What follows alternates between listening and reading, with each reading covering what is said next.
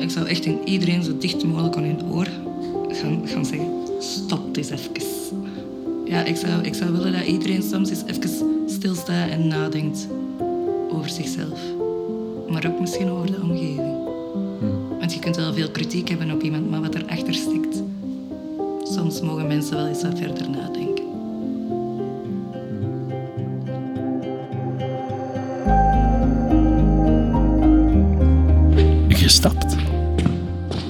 Gestopt. Getreuzeld. Geversneld. Gerend. Gebotst. Dit is Over de Drempel, een podcast van GTB waarin ik kuier, stap, soms wat treuzel, maar vooral de weg bewandel van en met iemand die botst tegen drempels. Hoge en harde drempels in de zoektocht naar werk. Drempels die ook opstapjes zijn. Ik ben Dominique, ik ben televisie, theater en praatjesmaker. En vandaag ben ik hier. Op een plek waar ik liever niet ben.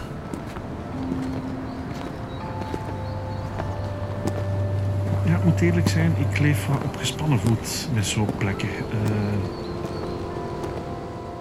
maar tegelijkertijd word ik me wel bewust van het leven als ik deze plek bezoek. Doods en toch vol leven. Met vogels die fluiten, hommels die zoomen en het gezelschap dat me opwacht. Jij moet gieten zijn. Klopt. Die informatie klopt. Dat gieten. Hi. Ik moet zeggen, het is wel een aparte plek hè, waar we nu zijn. Klopt. Maar toch voor mij, hoe raar dat dat ook mag klinken, heel liefdevol. Ja, en, en, en waarom precies deze plek? Ehm, omdat toen ik het heel, heel moeilijk had, ehm, een aantal jaren geleden, kwam ik heel veel naar hier, omdat mijn moemoe hier ligt. Oké. Gitte haar moemoe ligt hier, begraven. We ontmoeten elkaar aan het kerkhof van Oostmalle. Voor velen een eindhalte. Voor mij de start van een babbel. Een babbel met de 36-jarige Gitte uit Oostmalle. Een babbel die bijna onmiddellijk een diepgaand gesprek wordt.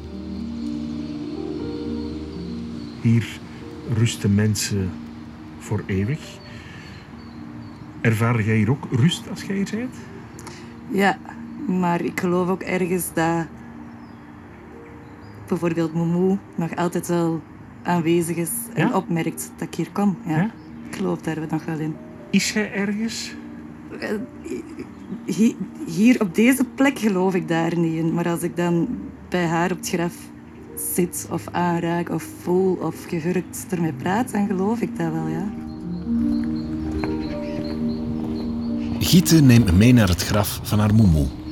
Onderweg zie ik bloemen, lees ik opschriften en vooral voel ik de zon die verwarmt.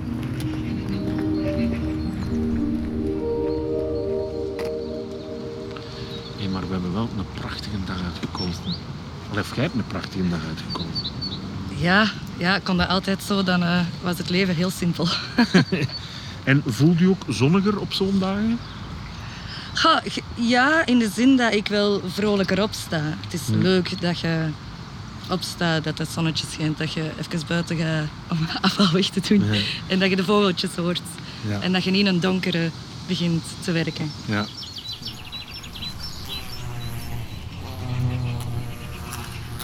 Hier zijn hier ook veel, ja, uiteraard bloemen op de graven, maar ik zie hier ook veel hommels, bijen. Zijn jij een bezige bij? Minder dan vroeger, omdat ik wel probeer aan mijn grenzen te werken. En vroeger was ik grenzeloos. Ja. Ja, ehm, dus minder. Ja. Ik eh, aanvaard dat ik eh, beperkingen heb. Ik aanvaard mijn leeftijd ook wel ergens al. Ja. Ehm, dus ik let daar wel op. Maar Ja. dat blijft een moeilijke, hè? Ja. grenzen. ja, zeker.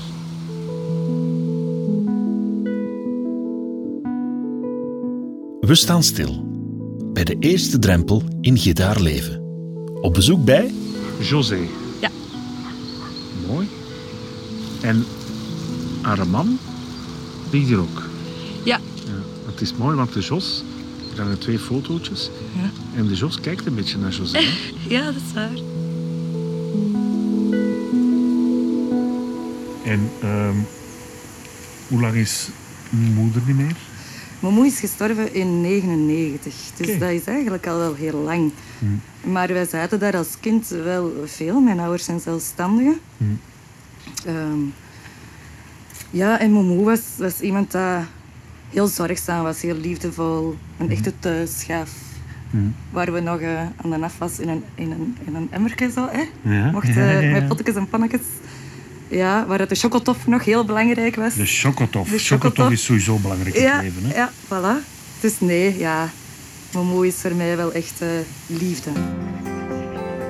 Wat voor kind waren je toen Momo nog leefde? Hè? Want, want het, is, ja, het is bijna 22 jaar geleden.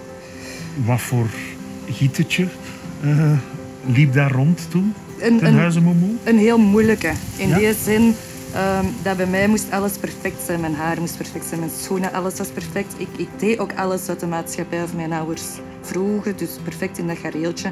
Wat voor mij daarna wel heel moeilijk is geworden. Want Dus- mijn eigen ik was er eigenlijk niet. En toen het daarna dus moeilijk werd, kwam Gitte naar hier. Naar José. Haar graf grenst aan een hoge haag die vandaag stevig ruist en het zonlicht net niet wegneemt.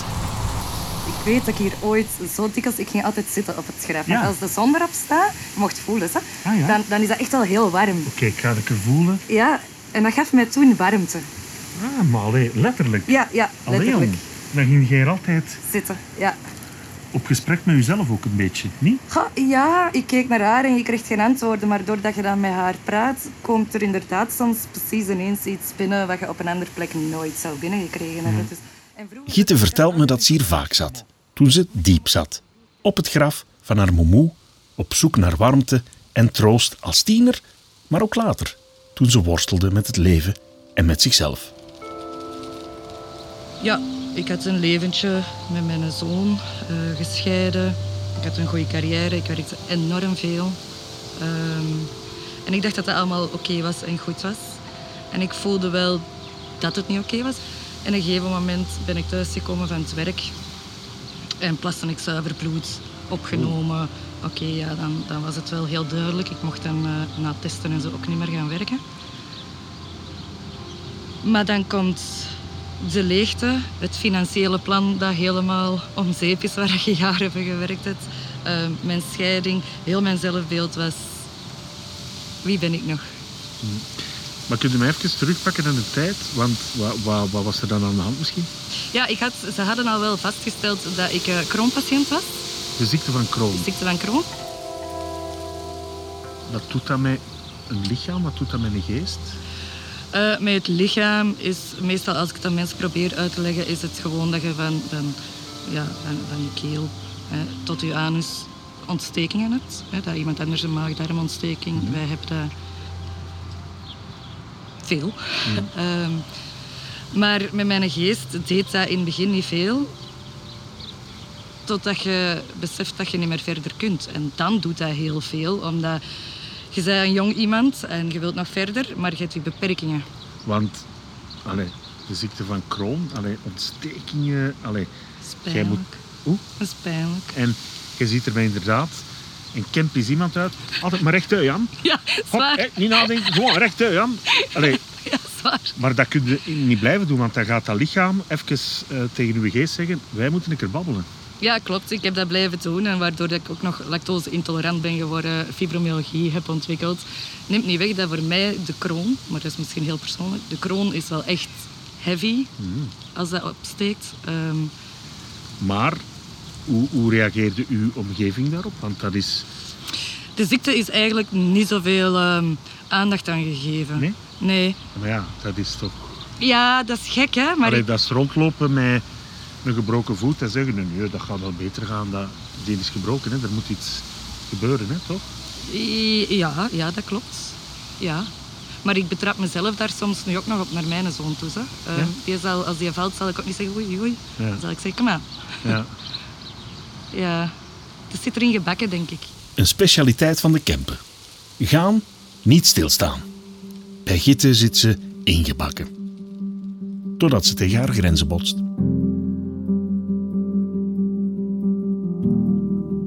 Gitte neemt me mee naar zeven jaar geleden, naar de donkerste fase in haar leven. Zo donker dat ze niet meer verder wil. Het resultaat van een samenspel van oorzaken, zegt ze. Er is de fysieke oorzaak. De pijn, voor alle duidelijkheid, de fysieke pijn heeft u zover gedreven.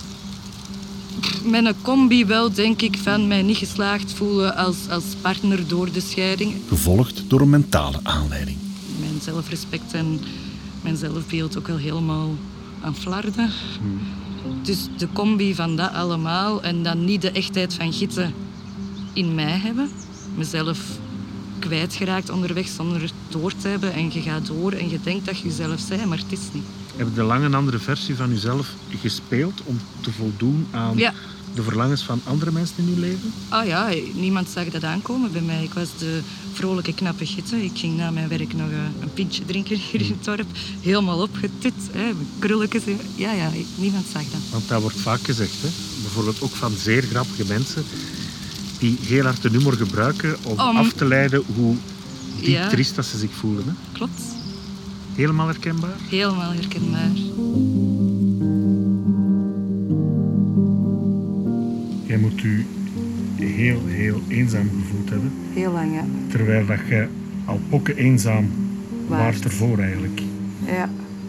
Ja, ik kreeg wel complimenten van je ziet er goed uit of je, je hebt je job goed gedaan. Of...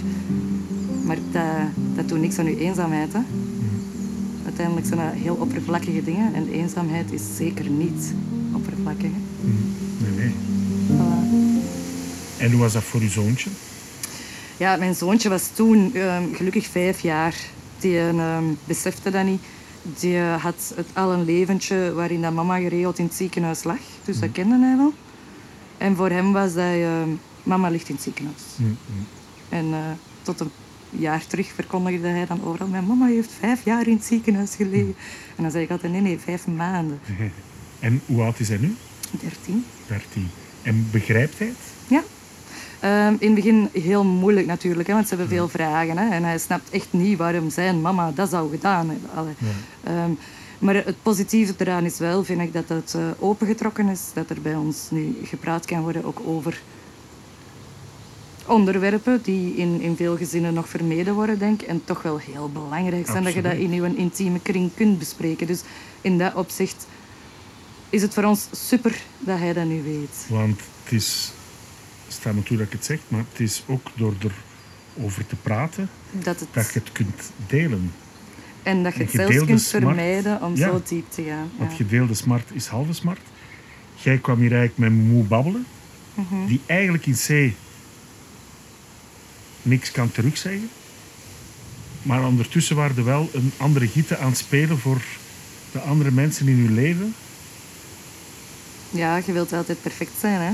Perfectie nastreven. Hè? En niet iedereen zal dat herkennen, maar ik denk heel veel mensen zullen dat wel herkennen. En dan ga je niet toegeven dat je niet meer kunt van vandaag op morgen. Hè? Dat is ons ego dan dat ons Ja. parten speelt. Ja. Is dat wat we met de samenleving net toch iets te hard doen? Ehm, ja, absoluut. Een Maar- beeld ophangen van mensen die we, eh, ja, die we moeten zijn, maar die we eigenlijk niet willen zijn. Absoluut, maar ik, ik kom dat nog dagelijks tegen. Ja, Ja?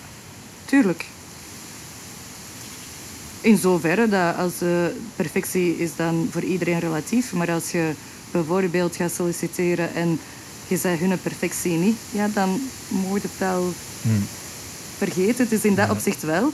Wat ik wel gemerkt heb, is dat zeven jaar geleden het veel minder bespreekbaar was dan nu al. Ja? Ja. vind ik wel. En, en ook met beperkingen. Maar intussen zijn beperkingen niet meer louter fysiek. Ja. En, en Ja. zijn er ook al heel veel mensen die gewerkt hebben naar het naar buiten brengen van psychische Ja, of... Dus in dat opzicht vind ik het al wel bespreekbaarder dan vroeger. Stel dat er lotgenoten aan het luisteren zijn, Mhm. en die zijn aan het luisteren, dat weet ik, heb je een soort van dienstmededeling. Of een soort van troostend woord.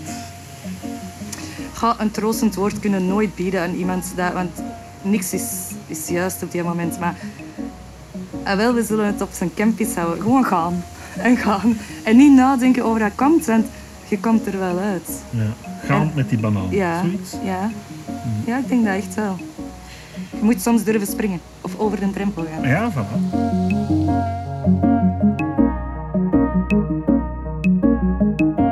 Durven springen. Durven drempels nemen. Dat heet gitten. Meermaals zelfs. Ik wandel verder in haar voetsporen. Van grijze grafzerken naar een betonnen drempel die in geel ligt. Ik zie vlaggen wapperen en op die vlaggen staan de woorden Kamer van Koophandel Mechelen, Kempen, oftewel VOCA. Klopt.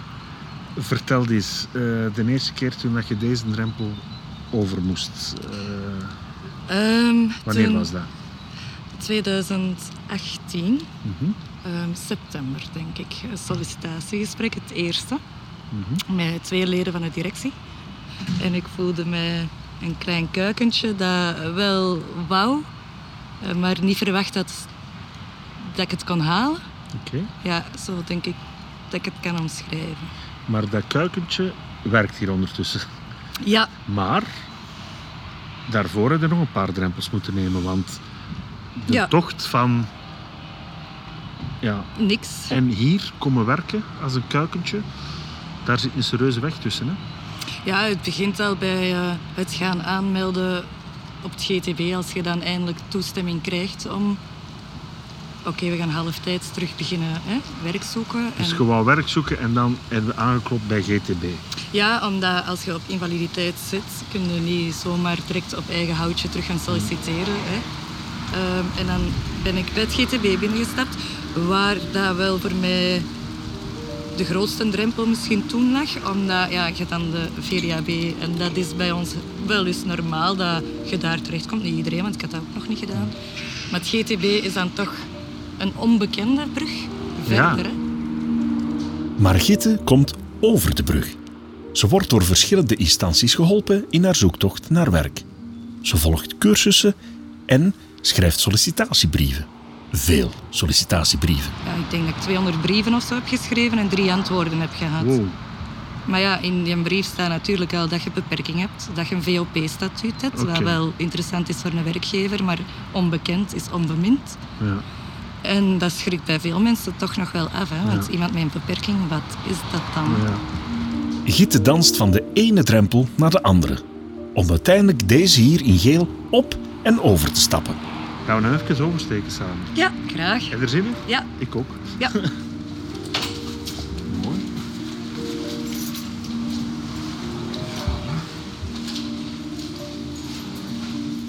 Jij zit hier nu de gids, hè? Eh, we mogen gewoon verder. Er staan, dat je rechtdoor loopt daar, staan zeteltjes daar. Oh. Eh, ja, en hier heb ik eh, toevallig ook mijn eerste gesprek gehad toen ze mij uitgenodigd hadden. Uw eerste sollicitatiegesprek. Ja, klopt. Wow. En wat voelde u terug? Dat dat helemaal anders is dan toen. Serieus? Hoe anders? Zelfzekerder. Ja? Ja, ja en trotser. Ja? Ja. Oké. We gaan ons zetten, hè. Alsof dat ze bedoeld zijn om hier te staan, de stoeltjes, en dat we erop gaan zitten. Voilà. Het plaatje van Gitte in die stoel klopt. Ze past hier perfect in het kader. Wat doe jij er precies? Ehm, een beetje van alles. Ik hou de KPI's in de oog. Ik doe de planning van Mirjam, haar agenda. Ehm, de coördinatoren, als ze iets nodig hebben, die ondersteun ik. Ehm, onze meetings bereid ik voor. Ik maak ook de verslagen daarvan. Want wat is uw jobomschrijving, officieel? directieassistenten. Maar wel ongelooflijk. Had, had de Gieten van jaren geleden dit ooit zien aankomen? Ehm, nee en ja. Ik had wel... Ik wist van mezelf wel dat ik ging knokken om terug te staan waar ik stond voordat ik ziek werd. Maar ik had niet verwacht dat ik hier zo snel zou staan. En mij toch wel een heel goede ondersteuning van de werkgever. Gitte werkt dus nu voor iemand. Terwijl ze ook voor zichzelf kon gaan werken in het bedrijf van haar ouders. Ik heb gestudeerd om, om de drukkerij over te nemen. Ik heb grafische gedaan. En dat was echt wel mijn plan vroeger. Maar als ik dan ziek werd, en ook dat heb ik moeten verwerken, werd mij echt duidelijk dat ik mij die stress allemaal niet ging opleggen, want dat je dan drie maanden afwezig bent, ja, begint maar elke keer terug opnieuw. En soms denk ik er wel eens over na van wat als het wel kunnen had, ook omdat mijn broer is ook zelfstandige. Ik zie wat hij er allemaal ook bereikt. En dan ja, pik je niet, want ik, heb ik ben niet jaloers of zo, maar dan doet dat misschien soms wel een klein beetje pijn. Ja.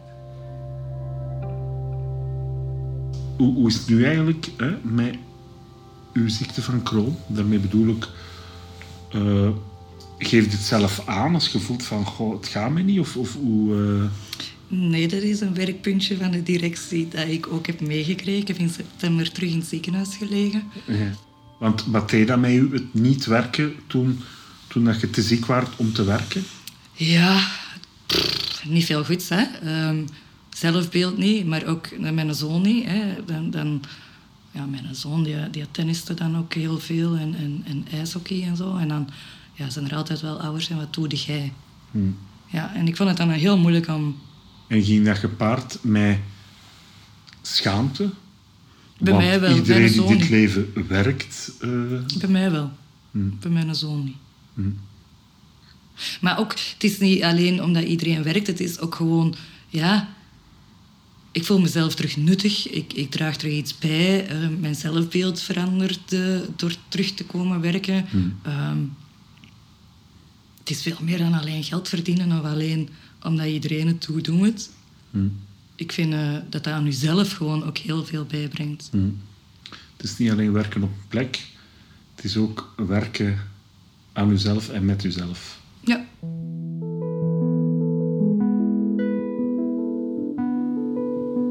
Wat heeft er u eigenlijk eh, doorheen die heftige periode, mag ik toch wel zeggen, wat heeft er u doorgetrokken? Wat heeft er u... dat ik wakker geworden ben. Ehm, heb ik altijd gedacht, oké, ik ben hier wakker geworden met een reden. En wat is die reden? Dus ik was eigenlijk nieuwsgierig naar waarom moest ik hier toch blijven? En waarom? Om mijn bubbelige ik te delen, denk ik dan. Ja, Ja, ja.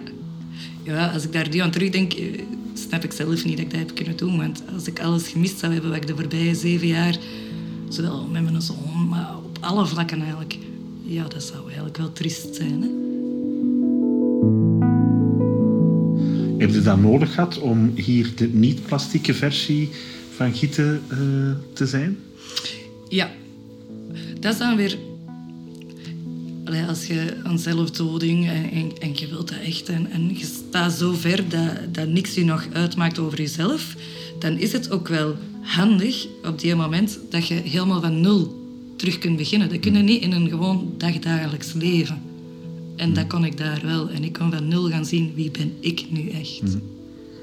Phoenix-achtig iets. ook een beetje onverklaarbaar. Hè? Ja, ik vind dat heel moeilijk om, om zo'n dingen uit te leggen. Want natuurlijk wilde je wilt niks promoten, je wilt ook niks aanmoedigen. Want niks, eh, Uiteindelijk wilde dat niet in je leven hebben wat ik heb meegemaakt. Hè?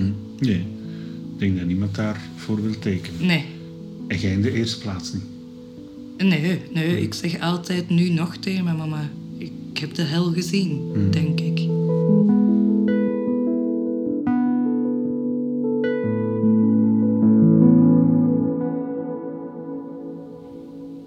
Als je zou kunnen een telefoonsje doen naar ehm, de gieten van toen Momo nog leefde, wat zou dat tegen die gieten zeggen?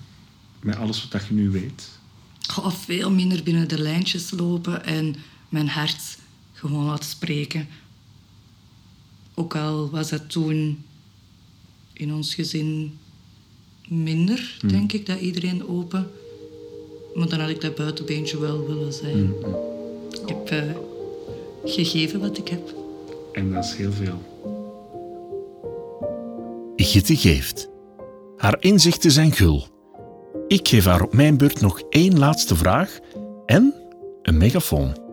Om een laatste inzicht van haar tegen de wereld te zeggen, te fluisteren of Roepen. Roepen? Is het Ja. maar roepen? Ja. Ja, ik zou echt in iedereen zo dicht mogelijk aan hun oor gaan, gaan zeggen: stop eens even. Ja, ik zou, ik zou willen dat iedereen soms eens even stilstaat en nadenkt over zichzelf. Maar ook misschien over de omgeving. Want je kunt wel veel kritiek hebben op iemand, maar wat erachter steekt, soms mogen mensen wel eens wat verder nadenken.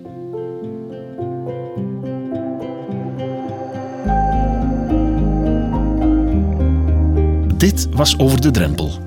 Bedankt voor het luisteren. In deze aflevering kwam zelfdoding ter sprake. Wie vragen heeft rond zelfdoding kan terecht op de zelfmoordlijn via het gratis nummer 1813 of op www.zelfmoord1813.be. Vond je deze podcast interessant? Abonneer je dan op iTunes, Spotify of een andere plek waar je je podcast luistert. En schrijf een review. Zo help je ook anderen om over de drempel te vinden. Als je wilt reageren of als je een vraag hebt of zelf een verhaal wilt delen, dan kan dat ook via overdedrempel.gtb.be. Over de drempel werd voor GTB gemaakt door handelsreizigers in ideeën, House of Media en uitgesproken. Je vindt alle credits in de show notes van deze podcast.